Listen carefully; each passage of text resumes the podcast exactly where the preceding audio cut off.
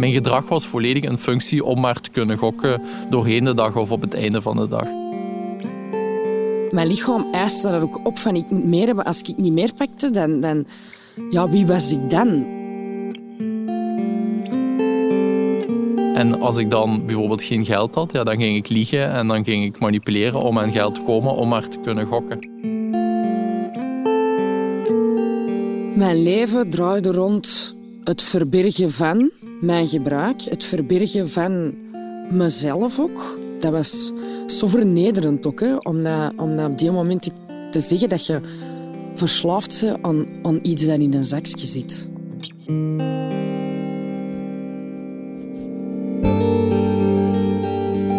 Dit is Studio Brein, Verslaafd. Een podcast van Breinwijzer VZW over het mechanisme achter verslavingen. Hoe kan het dat sommige middelen of gedragingen ons brein overnemen? En kunnen we slimmer worden dan wat ons verslaafd maakt? Ik ben audiomaker Eva Droogmans en ik zoek het uit. Samen met psychiater en verslavingsexpert Geert Tom en een gast.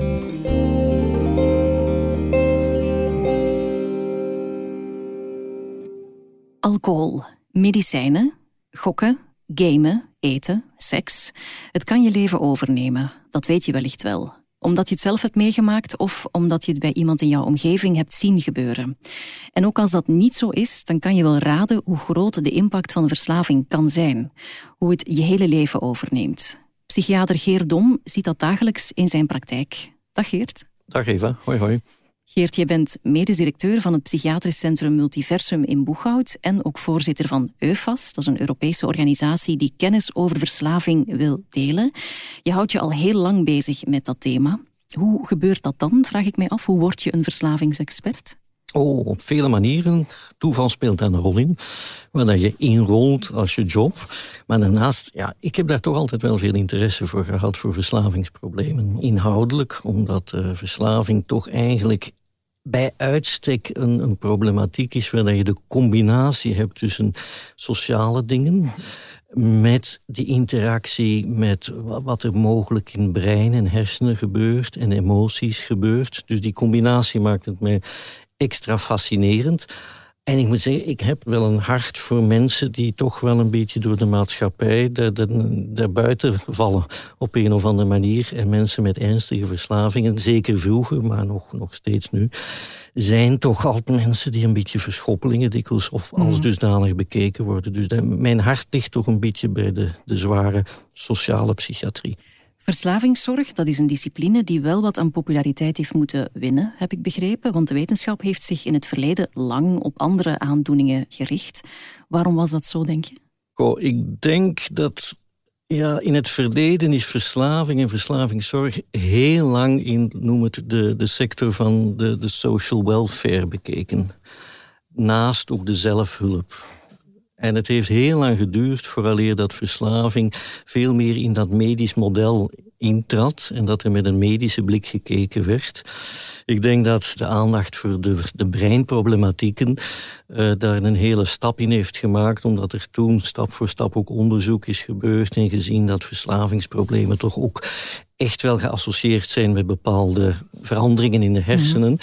En ik denk dat dat een boost gegeven heeft de laatste twintig jaar om zo stap voor stap toch meer in de onderzoeksagenda te komen, hoewel dat in Vlaanderen toch wel heel traag is gegaan en nog steeds heel traag gaat. Maar jij hebt wel meegewerkt aan die boost. Hè? Je hebt ook meegezorgd voor die verandering. Hoe heb je dat gedaan? Een klein steentje bijgedragen. Hè?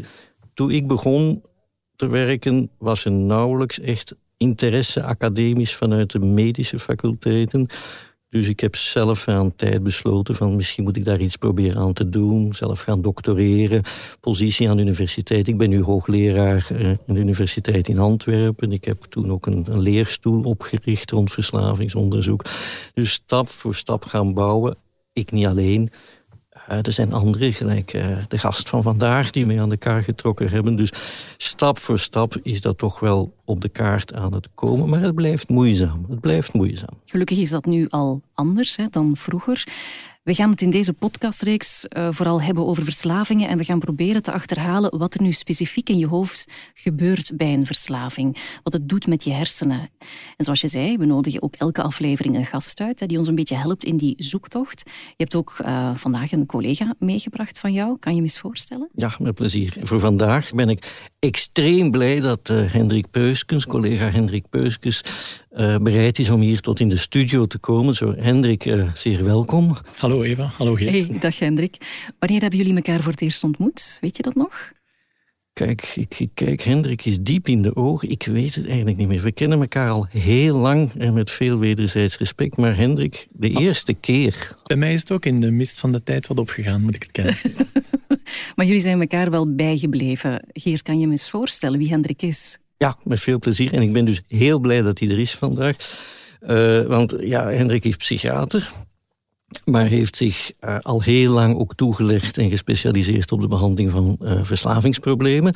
Hij is het diensthoofd van de verslavingsafdeling en werking in het psychiatrisch centrum te Tienen waar dat hij heel veel werk doet. Onder andere ook innovatief werk. Want Hendrik, uh, verbeter mij, maar ik geloof een nieuw project is... of een van je vele nieuwe projecten is een, een groep rond gedragsverslavingen bijvoorbeeld.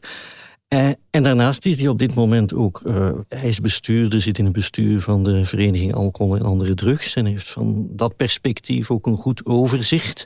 Zit ook in het bestuur van de Vlaamse Vereniging voor Psychiatrie. Dus Hendrik heeft een karrevracht ervaring, netwerk en, en inzicht in de problematiek in Vlaanderen. Dus uh, ik ben heel blij dat hij er is. Hendrik, ik zie jouw glimlach groter worden. Dat is fijn om te horen hoe hij jou beschrijft. Maar waarom wilde jij er zelf graag bij zijn vandaag? Wel, als er iets is dat ik geleerd heb, is dat het belangrijk blijft om te spreken over dit thema. Een wat gestigmatiseerd thema.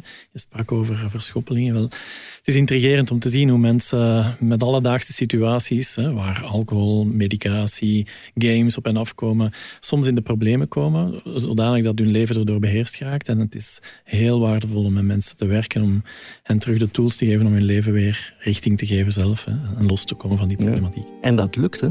Dat lukt vaak, ja. Dat lukt vaak, zie jij en ik in behandeling.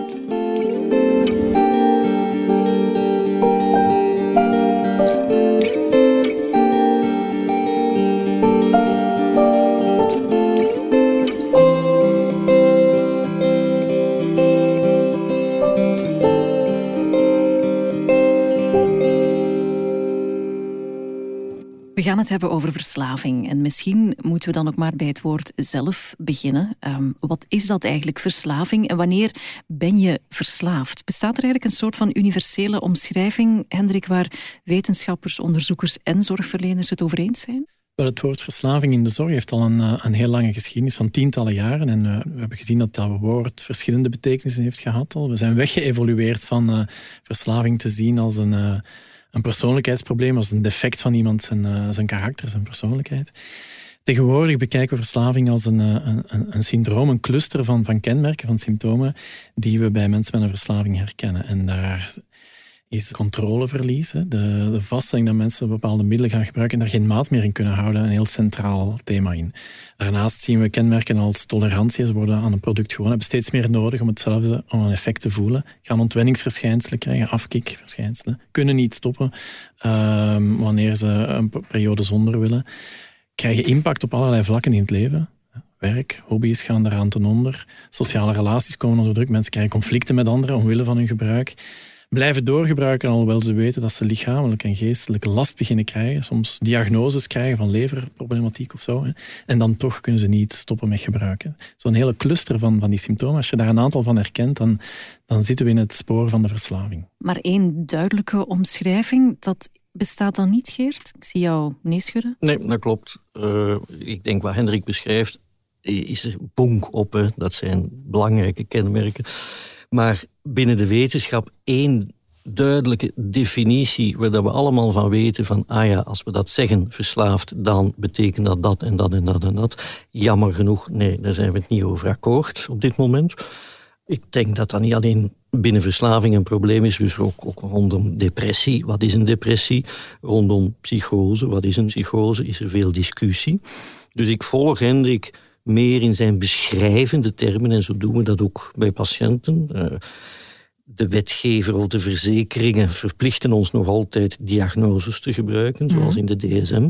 En wat is het DSM weer? Dat is ons uh, groot handboek, de Bijbel van de psychiatrie staat dat soms in de media, waarin dat al de erkende diagnoses staan en die hebben dan allerlei kenmerken. Voor verslaving zijn dat er een negental, waar dat Hendrik een aantal ervan heeft mhm. opgenoemd. Maar ja, dat werkt niet zo elegant als je met mensen werkt. En... het werkt vooral niet goed als je zo'n label op mensen kleeft zonder dat ze daarom gevraagd hebben. Hè. Als je dat uh, in overleg, in dialoog, op een consultatie met mensen kan ontwikkelen en ontdekken samen en tot die conclusie komen, dan, dan ben je een stap verder. Hè. Mhm. Het is een soort jasje dat je moet willen aantrekken als patiënt. Hè. Daar zo gelabeld worden, zelfs gestigmatiseerd worden, dat is dat bemoeilijkt vaak therapie. Ja, dus daar zitten we in die diagnose, die definitie. Ja, daar, daar, is nog veel denkwerk over. Maar wat ik daar wil bij aansluiten is, ik vind dat het woord verslaving op zich ontiegelijk veel onterecht gebruikt wordt. En eigenlijk hebben wij, Hendrik en ik, het over een groep patiënten met zeer ernstige, zeer ernstige problemen. Dus ik, ik hoed mij altijd om het woord verslaafd te gaan gebruiken. Ja. Voor mij zijn er twee, drie kenmerken essentieel. En dat is zeer uitgesproken craving, die je dwingt daar heel veel mee bezig te zijn. En controleverlies. Je gaat meer gebruiken dan dat je wilt. En een derde is, en je gaat negatieve gevolgen opstapelen en dat corrigeert je gedrag niet. Mm Maar dat is geen officiële definitie. Ja. Een verslaving begint met een eerste keer iets gebruiken of iets doen. En uh, dat eerste gebruik dat maakt iets in je uh, in je lijf ook. Ik ben gaan praten met twee mensen, met Arne en Stefanie. En Arne die heeft verschillende jaren met een gokverslaving geworsteld en Stefanie met uh, alcohol- en druggebruik. En voor Stefanie begon het eigenlijk al heel vroeg. Bij ons is het wel zo aangeleerd dat je al moest drinken, wijn drinken op een, korte, allee, op een jonge leeftijd. Van je dertien moest je echt al, uh, dat was etiket toen. Dus drank was eigenlijk ook al heel vroeg aangeboden. Ik ben voor de eerste keer in contact gekomen met drugs ja, 12 jaar was. Uh, dat was dan nog heel uh, miniem. Hè. Dat was nog softdrugs, gelijk dat ze het nu zeggen. Uh, jointjes roken. eigenlijk vond ik dat niet leuk, omdat ik daar heel loom van werd. maar ik moest er ook heel hard van lachen.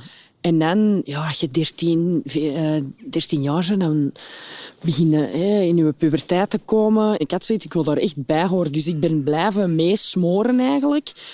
Um, om erbij te horen, maar ik ben vrij snel uh, in contact gekomen met uh, cocaïne.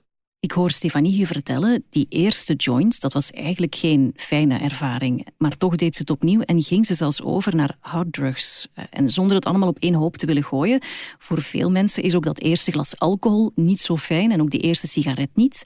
Maar hoe geraken wij dan toch verslaafd aan een product waarvan de eerste ervaring niet positief was? Wat je in elk geval hoort, is dat uh, het is een samengaan van verschillende aspecten. Er is dat product, dat middel. Hè. Er is iets bijzonders aan alcohol. Er is iets aan de inhoud van cannabis dat uh, een effect heeft op onze hersenen. Er is dat individu, die persoon die gebruikt, die bepaalde kenmerken heeft. Haar leeftijd noemt ze. Ik was erg jong. Hè. Dat, is, uh, dat, is, dat is een factor. maar ook erfelijkheid speelt een rol.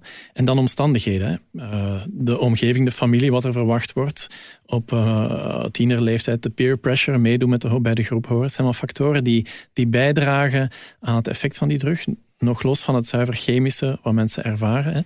Hè. Daarnaast is het zo dat die, die middelen iets in ons brein teweeg brengen waar we ons niet volledig van bewust zijn. Hè. Ze bespreekt uh, dat uh, er onwel van was, zich niet goed voelen bij de mhm. eerste keer. En toch is er blijkbaar iets op gang gekomen, gedeclencheerd, dat daar uh, op weg hielp om opnieuw te gaan gebruiken. Geert, dat eerste gebruik, doet dat effectief iets in je hoofd al van bij het begin? Is er meteen al een neurologische impact? Ik denk van wel. Die impact varieert om, verschillende redenen. Ik denk bijvoorbeeld hoe vroeger dat je gaat gebruiken. Want je brein is heel hard in ontwikkeling. En, en eh, als de, de, getuige hier spreekt over heel vroeg, 11, 12, 13 jaar, je brein is dan echt volop nog aan het ontwikkelen. Je brein is als het ware een leerspons. Dus die indruk dat dat eerste gebruik maakt, ja, dat, dat blijft bij. Dus vanaf het begin ga je op een of andere manier beginnen dingen leren, inprenten. Het is nu niet zo dat als mensen voor de eerste keer gaan gebruiken, dat je veranderingen in de hersenen gaat zien. Of, dat er een stuk van je hersenen gaat wegvallen. bedoel, mm. We moeten niet dramatiseren, maar er gebeurt wel degelijk iets. Als ik denk aan mijn eerste sigaret, heel lang geleden, uh, en ik was jong toen ook. Ik denk, hoe oud was ik? 13 jaar, dat mag je nu niet meer zeggen, maar dat was heel jong. Dat was in een tijd dat er veel gerookt werd. Maar mhm. dat, dat, was inderdaad niet, niet, niet lekker. Maar je zit daar met je vrienden. En dat is spannend. En tegelijkertijd heb je het verschil tussen de aversie, de druk en na een tijd merk je toch dat die nicotine iets begint te doen. Dat zie je ook in dierenonderzoek. Ratten bijvoorbeeld, die heel dikwijls gebruikt worden voor biologisch dierenonderzoek in verslaving. Ratten hebben een aversie voor alcohol. Die vinden dat echt niet lekker. Dus als je onderzoek wil doen en je wil ratten aan alcohol verslaafd raken, moet je daar alcohol in krijgen. Een truc is om daar veel suiker bij die alcohol te doen. Dat neemt de aversie weg. Oh ja. En dan gaan ze drinken en dan gebeurt er daar iets in het brein. Leert het brein die roeseffect kennen. En als ze dat een paar keer zo doen, dan kan je de suiker weglaten. Dat wil zeggen dat dat ding in je brein wat roes gaat verwekken, krachtiger wordt dan mhm. de aversie. En zo krijg je ratten aan de drank. Ja. Ik wil even terugkoppelen naar het brein. Ik vind fascinerend onderzoek naar wat Hendrik zegt om een beetje op aan te sluiten. Is, men heeft heel mooi in kaart gebracht wat zijn nu risicofactoren voor jongeren op 12, 13, 14 jaar alcohol te gaan gebruiken, te starten. En welke factoren spelen een rol als je twee, drie jaar later al dan niet echt meer alcohol gaat gebruiken. En dat zijn twee verschillende sets factoren. De eerste is vooral die omgevingsdruk, je vrienden. In combinatie met je temperament. Ben je van nature een kind dat veel onrust heeft en impulsief of nood heeft aan sensaties en je zet die in de vriendenkring, dan gaat die gebruiken. Ga je drie, vier jaar later kijken van wie van die club veel meer is gaan drinken, dan zie je daar een veel meer associatie met hersencircuits, met processing van beloningscircuits en met uw genetica. Dus de start van het gebruik is sociaal gedreven. Mhm. Maar eens het brein de effecten van gebruik leert kennen, zie je, je, als je die hebt, je genetische kwetsbaarheid naar boven komen, die je een beetje verder gaat sturen naar verder gebruik en mogelijk naar verslaving later. Bij Stefanie was de joint eigenlijk een opstapje naar zwaardere producten, naar cocaïne, zoals ze zelf zei. Dat noemen ze wel eens de stepping stone, hè, van het ene naar het andere. Begint het altijd zo en gaat het altijd ook verder op die manier? Dat het altijd zwaarder wordt? Er is toch heel wat kritiek op de stepping stone theorie dat de gebruik van mildere middelen of zachte middelen onlosmakelijk noodzakelijk leidt naar een evolutie naar zwaardere drugs. Zoals Geert al zei, in die evolutie spelen een aantal factoren een rol, zeker een erfelijkheid. Hè. En ehm, wat we ook weten is dat uh, voor middelengebruik meerdere factoren verantwoordelijk kunnen zijn. Hè. Mensen die cannabis tegenkomen in hun leven, komen eh, op dezelfde manier ook illegale drugs tegen. Het, is, het een is niet noodzakelijk een gevolg van het ander. Stepping stone, men vergeet heel dikwijls het belang van de omgeving. Want jij zegt nu lichte en dan naar zware drugs. Dat is ook een discussie op zich. Alcohol is een keizware drug en we beginnen er vaak vroeg mee, et cetera. Maar het doet me denken, ik was twee jaar geleden in, in Iran voor een periode om daar te gaan werken. Ja, bon, wat is daar de eerste drug die gebruikt wordt? Is heroïne. Is dat een stepping stone?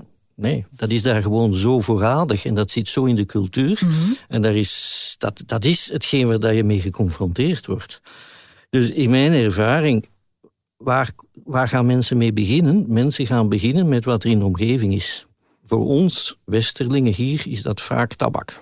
Mhm. Ik, ik, denk in het verhaal van Stefanie, ik ken het verhaal niet helemaal, maar ik kan me voorstellen dat voor haar jointje op haar dertiende er ook wel eens een sigaretje geweest is. De meeste mensen zijn hier begonnen met tabak en dan misschien cannabis op die leeftijd of alcohol en dergelijke. Op andere plekken in de wereld ligt dat soms wel wat anders.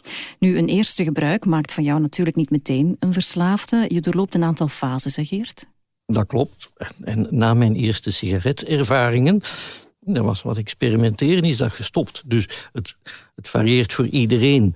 Maar inderdaad, stap voor stap zie je mensen, niet iedereen, ver van, en gelukkig maar, dat dat experimenteren soms toch wel gaat leiden tot veel meer gebruik, regelmatiger gebruik. En dat dat al dan niet snel bij een beperkt aantal mensen gaat escaleren tot echt wel problematisch gebruik. En uiteindelijk op een niveau komt van wat wij nu zouden kunnen noemen zeer ernstige verslaving. Maar dat is maar bij een heel beperkt aantal mensen. Als je gaat kijken, de grote aantal mensen die experimenteert, et cetera. Ik zou durven schatten dat ongeveer maar 6%, 5% van de mensen die gebruiken of experimenteren ooit echt in de problemen gaan komen met hun middelgebruik. Ja. Vele mensen doorlopen een aantal fases. Uh, bij definitie, je begint met een eerste gebruik en bij definitie, je begint met wat te experimenteren. En dan is het te zien van ga je dat nou veel verder doen en regelmatig verder doen en hoe verloopt dat en hoe snel al dan niet ga je evolueren richting van een full-blown full verslaving. Maar Hendrik, ik weet niet hoe dat jij er naar kijkt. In mijn ervaring kan dat heel hard variëren. Dat varieert heel veel en ik denk de, de volgende fase die mensen, die cliënten vaak noemen, is een uh, periode van sociaal aanvaard gebruiken. En dat is ook heel rekbaar. Hangt af van de omgeving waarin je functioneert en leeft. Uh, wat vindt je omgeving oké, normaal? Dat hangt van je professionele, je beroepssituatie af, hangt van je gezin af. Hè. Die fase volgt op, op, op begin van gebruik en dan schuift dat vaak door naar eh, eerste incidenten, eerste moeilijkheden, eerste problemen doorgebruiken. En dan wordt het cruciaal hoe mensen reageren. Dan zie je een aantal mensen afwijken naar ja, zichzelf blijven verantwoorden in dat gebruik, het probleem niet zien en, zichzelf vastzetten in blijven gebruiken. Maar een aantal mensen nemen daar een afslag. Hè. Draaien terug op die eerste incidenten. Mensen die we in verslavingsproblematiek terugzien, die schuiven dan verder door, hè, worden hardnekkiger in het gebruik en ontwikkelen een aantal defensiemechanismen om, om dat probleem niet te zien of niet, uh, niet voor zichzelf te moeten toegeven. Ja, de snelheid waar iemand van gebruik, experimenteren, uiteindelijk evolueert naar een full-blown verslaving, hangt van heel veel dingen af, maar misschien toch wel interessant om te weten, we zien daar behoorlijke man-vrouw verschillen. Dus we zien eigenlijk dat als vrouwen beginnen te gebruiken en regelmatig te gaan gebruiken en evolueren naar een full-blown verslaving, dat dat dikwijls een pakje sneller verloopt. Maar er zijn heel wat factoren door die bepalen hoe snel je van je eerste gebruik naar zwaar verslaafd. Mm En vooral onthoud, het is niet iedereen die gebruikt die naar zwaar verslaafd is.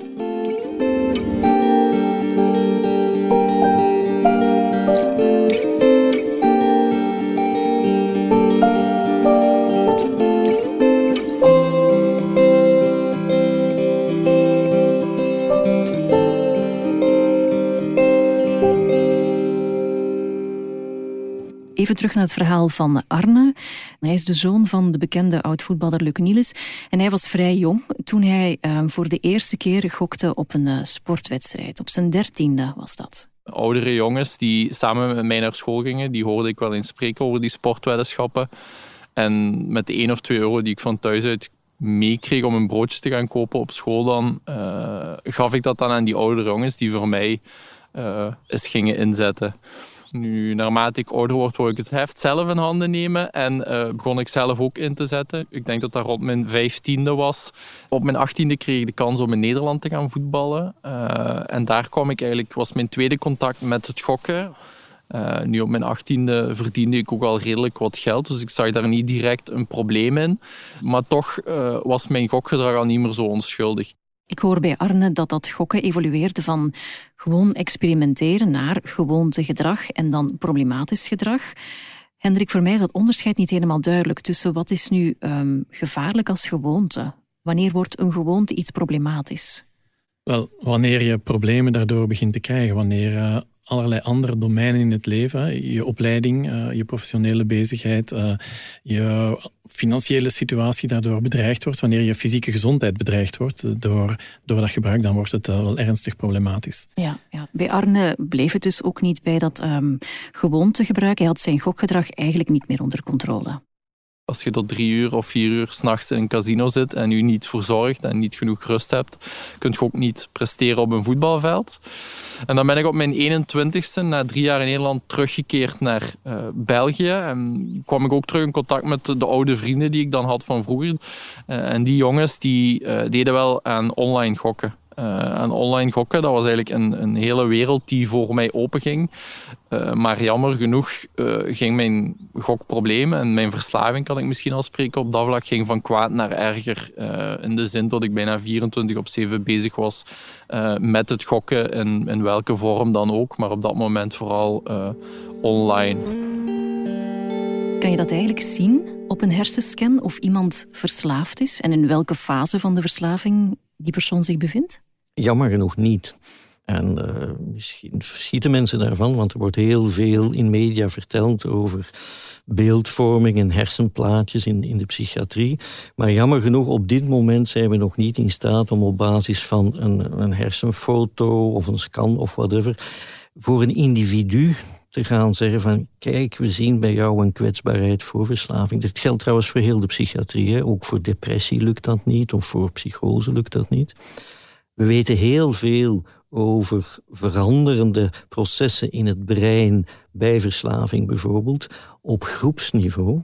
Dat wil zeggen dat we grote gemiddelden gaan bekijken van grote groepen verslaafden. En we gaan die vergelijken met gemiddelden van grote groepen van tussen aanhalingstekens normale mensen. En daar leren we veel uit. Maar dat laat ons op dit moment echt nog niet toe op basis van een foto of zelfs een bepaald technisch onderzoek om echt die diagnose voor jou persoonlijk te gaan stellen. Ja, ik ben helemaal akkoord. Een, eh, een, hersenfoto levert ons nog geen diagnose, verre van. En, en, zelfs de belofte van functionele beeldvorming, dus hersenactiviteit in kaart brengen op dit moment, levert ons hooguit gemiddeldes die uh, tussen mensen met ernstige verslaving en gezonde proefpersonen dan wat van elkaar afwijken. Individueel lukt dat nog niet om mensen uit elkaar te vlooien. Zo.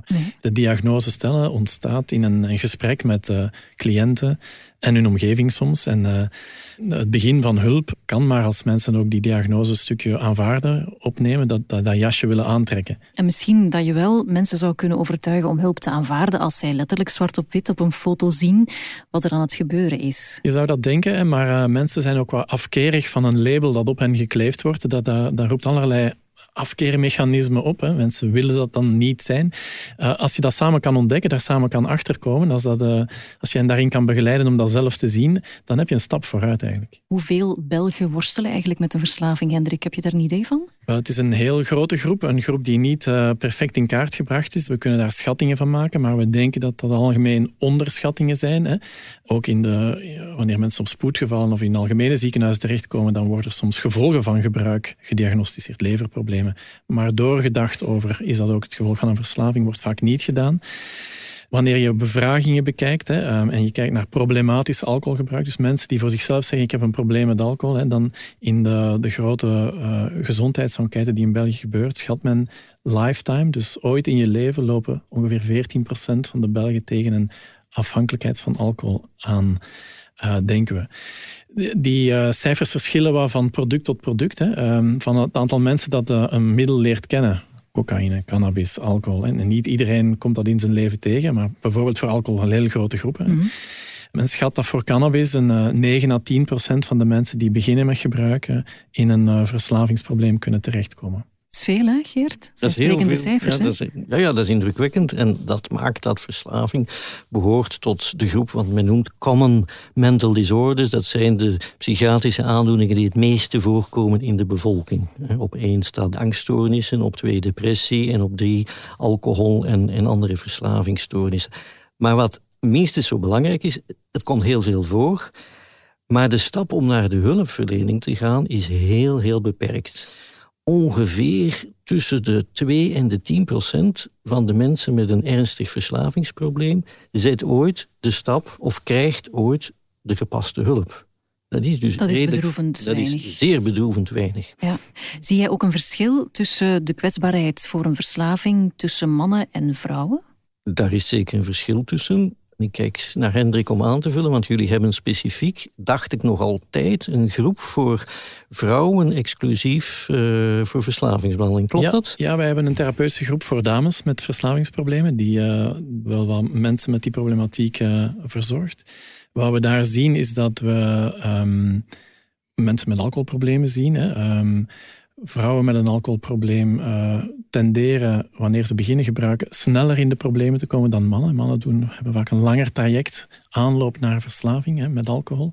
We zien bij vrouwen wat meer medicatiemisbruik. Uh, tranquilizers, sedativa, slaapmiddelen, dat is uh, bijna het dubbele van wat we bij mannen zien. We zien in de illegale drugswereld mannen nog wel flink wat voorsprong hebben in het experimenteren, leren kennen van dat gebruik. Maar globaal zou ik zeggen dat vrouwen een inhaalbeweging doen, zowel wat alcohol als illegale druggebruik uh, betreft. Een inhaalbeweging klinkt positief, maar in dit geval is dat niet dat is het, natuurlijk. Dat is het niet, nee.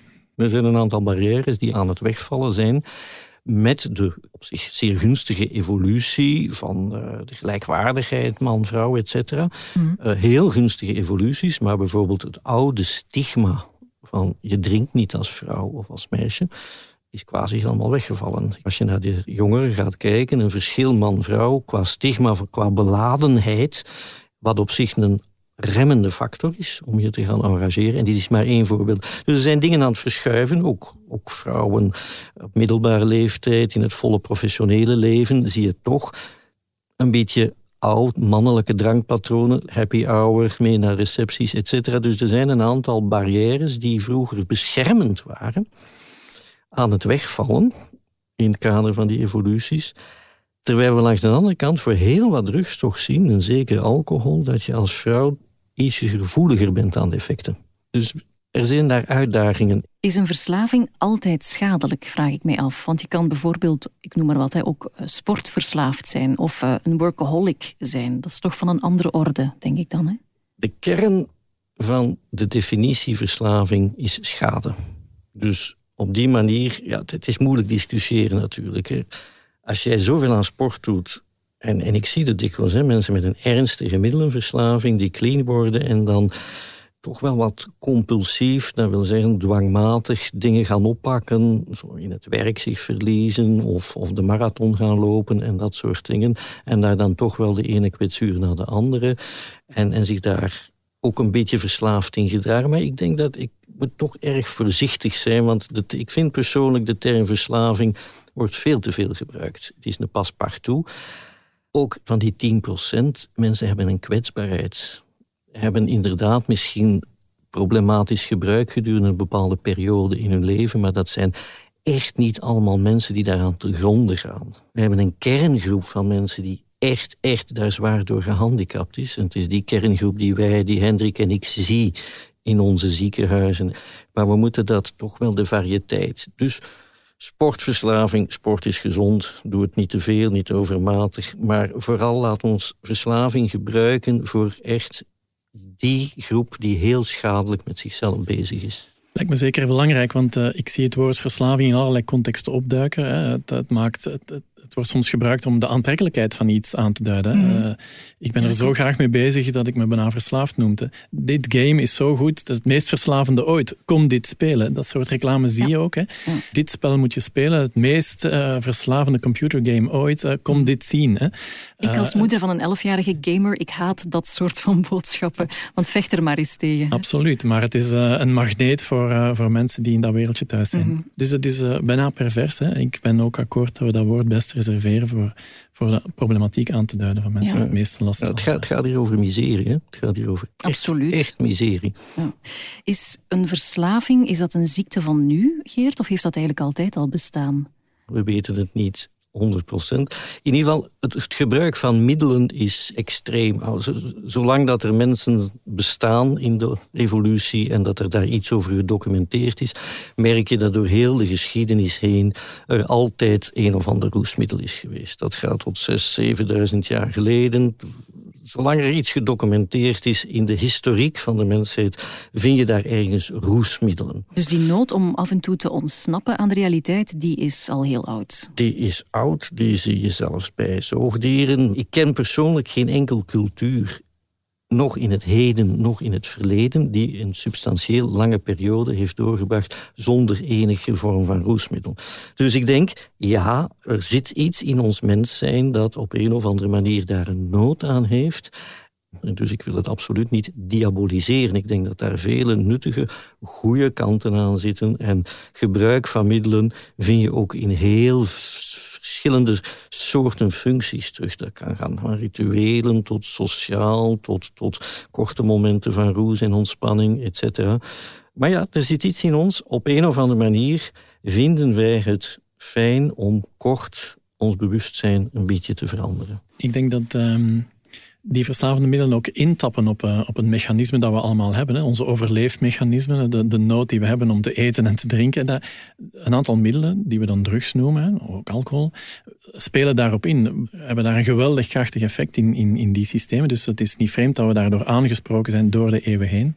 Wat er uh, misschien wel nieuwer is, is dat we een aantal van die producten op industriële schaal beschikbaar hebben. We hebben geleerd alcohol uh, te herkennen in allerlei natuurproducten. We zijn erin geslaagd om dat te destilleren en tot uh, 40, 80 graden eh, drankjes te maken en die ook met ons industrieel bestel en commercieel bestel aan te bieden. Dat is overal te krijgen, makkelijk te vinden. We hebben van cannabis variëteiten gezocht met de hoogste THC-concentraties en inmiddels maken we synthetische afgeleiden van cannabinoïden die nog krachtiger zijn en geweldiger zijn. Dus eh, het aanbod is daar vergroot. Ehm, zelfs in de gokwereld zie je dat. Hè, dat uh, gokken een verslaving is die ook al honderden jaren bestaat. Maar die was wel weggedemsterd in, eh, in de mhm. enkele casino's die ons land had. Maar sinds het online gegeven opduikt, zien we gokproblemen opduiken with a vengeance. En zo maken we het onszelf eigenlijk altijd moeilijker. Zo blijft elke tijd zijn uitdagingen hebben.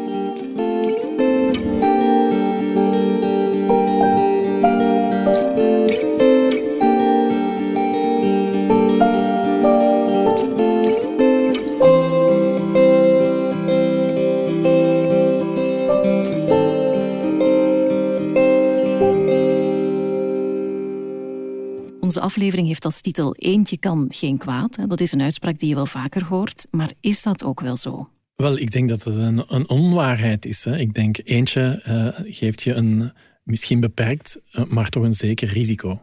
Eén glas wijn uh, brengt iets op gang, brengt iets teweeg, is licht toxisch voor je lichaam. Hè. En ik vind een heel andere boodschap dan te zeggen eentje kan geen kwaad, want er is ook iets aan die producten die die niet zo veilig maakt. En alcohol marketen als iets perfect veilig, hè, moet je er maar goed mee leren omgaan, is eigenlijk uh, niet meer van deze tijd, vind ik. Geert, wat vind jij van die uitspraak? Eentje kan toch geen kwaad? Alle producten hebben hun gevaren. Ik bekijk het een beetje vanuit optiek. Tegen wie zeg je zoiets? Als je dat zegt tegen een puber of iemand die begint of gewoon sociaal gebruikt of in een preventieprogramma, kan je zeggen van ja, kijk, we experimenteren en we zoeken de rol en we moeten daar niet te veel waarde aan leggen. Zeg je zoiets tegen iemand die een heel zware verslaving heeft? Veel mensen die een uitgesproken zware verslaving hebben, zullen net die zin gebruiken. Die zullen net gaan zeggen: eentje kan wel kwaad.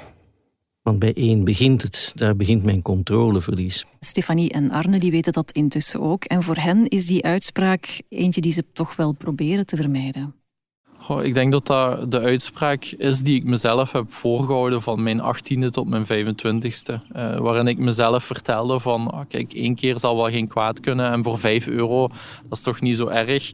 Terwijl het nooit bij die één keer bleef of terwijl het nooit bij die 5 euro bleef. Uh, ik had geen controle over mijn gedrag op dat moment. En de rem was kapot, zoals ik dat noem. Dus ik ging altijd over die grenzen heen en het bleef nooit bij die één keer. Voor mij kan eentje wel kwaad, ja.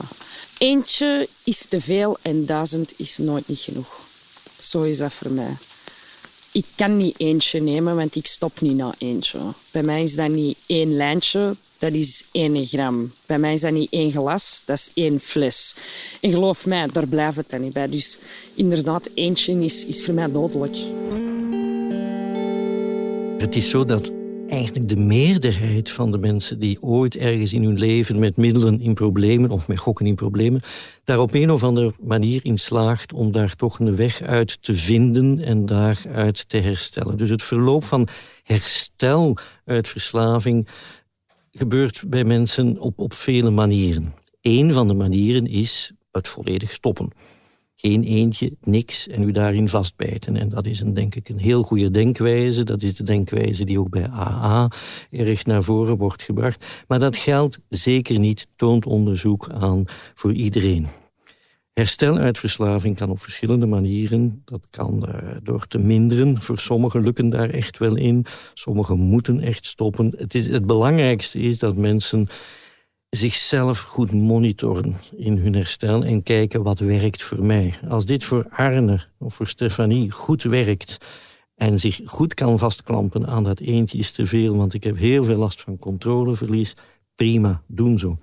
Maar voor anderen betekent zo'n strenge drempel echt iets dat ze zeggen, ja, maar dan ga ik er niet aan beginnen als ik helemaal moet stoppen. Mhm. Terwijl het soms wel lukt. Dus dat eentje is te veel, werkt voor vele mensen, is soms contraproductief voor andere mensen en remt hen in de stap om naar behandeling te gaan.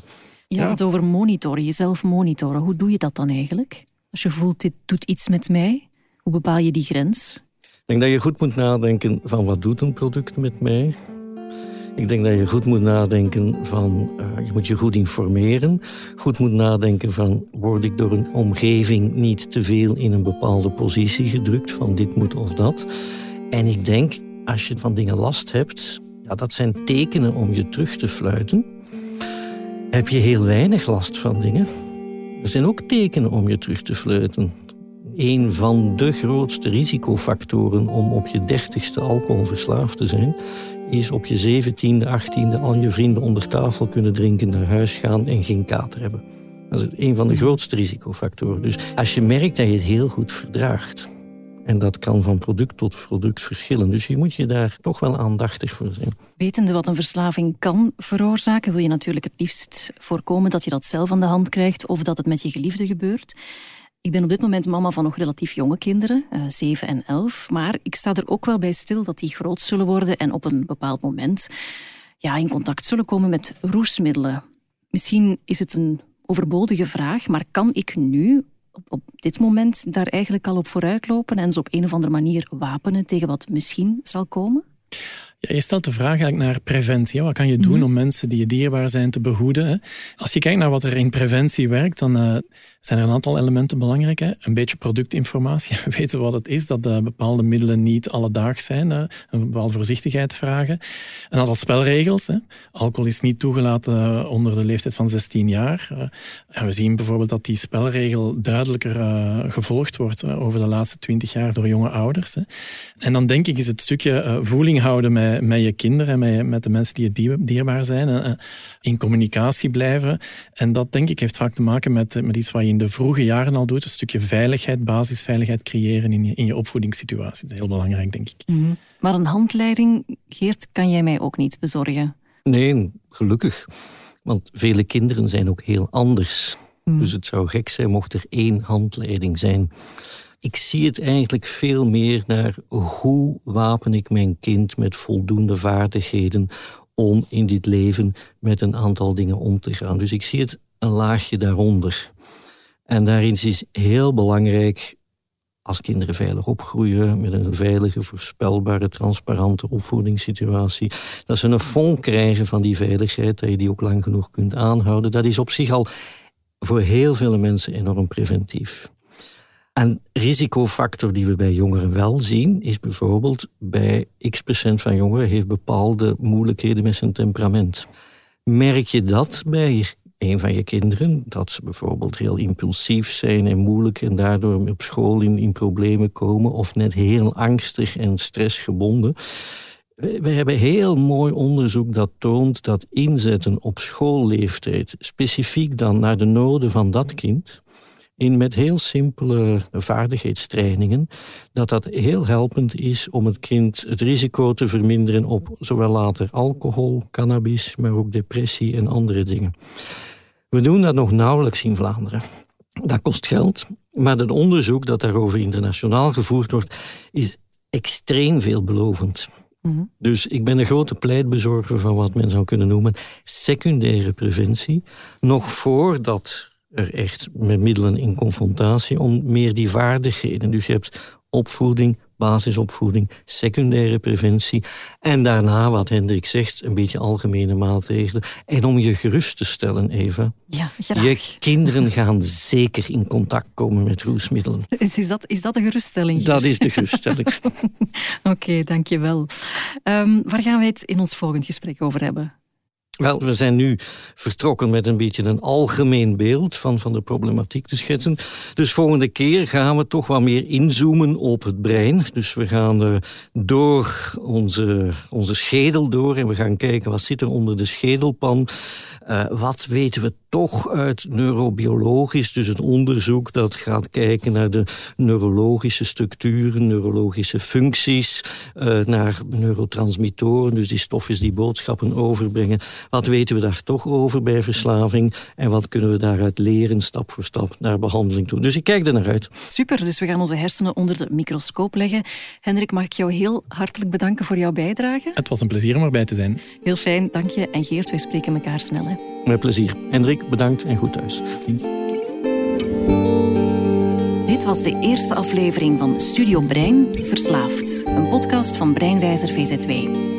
In deze eerste aflevering hoorde je mezelf, Eva Droogmans, Geert Dom, Hendrik Peuskus, Arne en Stefanie. Heb je vragen of wil je reageren? Dan kan dat via info.breinwijzer.be. Wie meer info wil over preventie en behandeling van verslavingsproblemen, kan terecht bij het Vlaams Expertisecentrum Alcohol en Drugs via druglijn.be. Vond je deze podcast interessant? Dan kan je je abonneren in je favoriete podcast-app. Studio Brein Verslaafd is een productie van Uitgesproken. Ik deed de redactie en de research. Kiaran Verheijden deed de montage en schreef de muziek. Laure Balkaan deed de productie. Bedankt voor het luisteren en tot volgende week.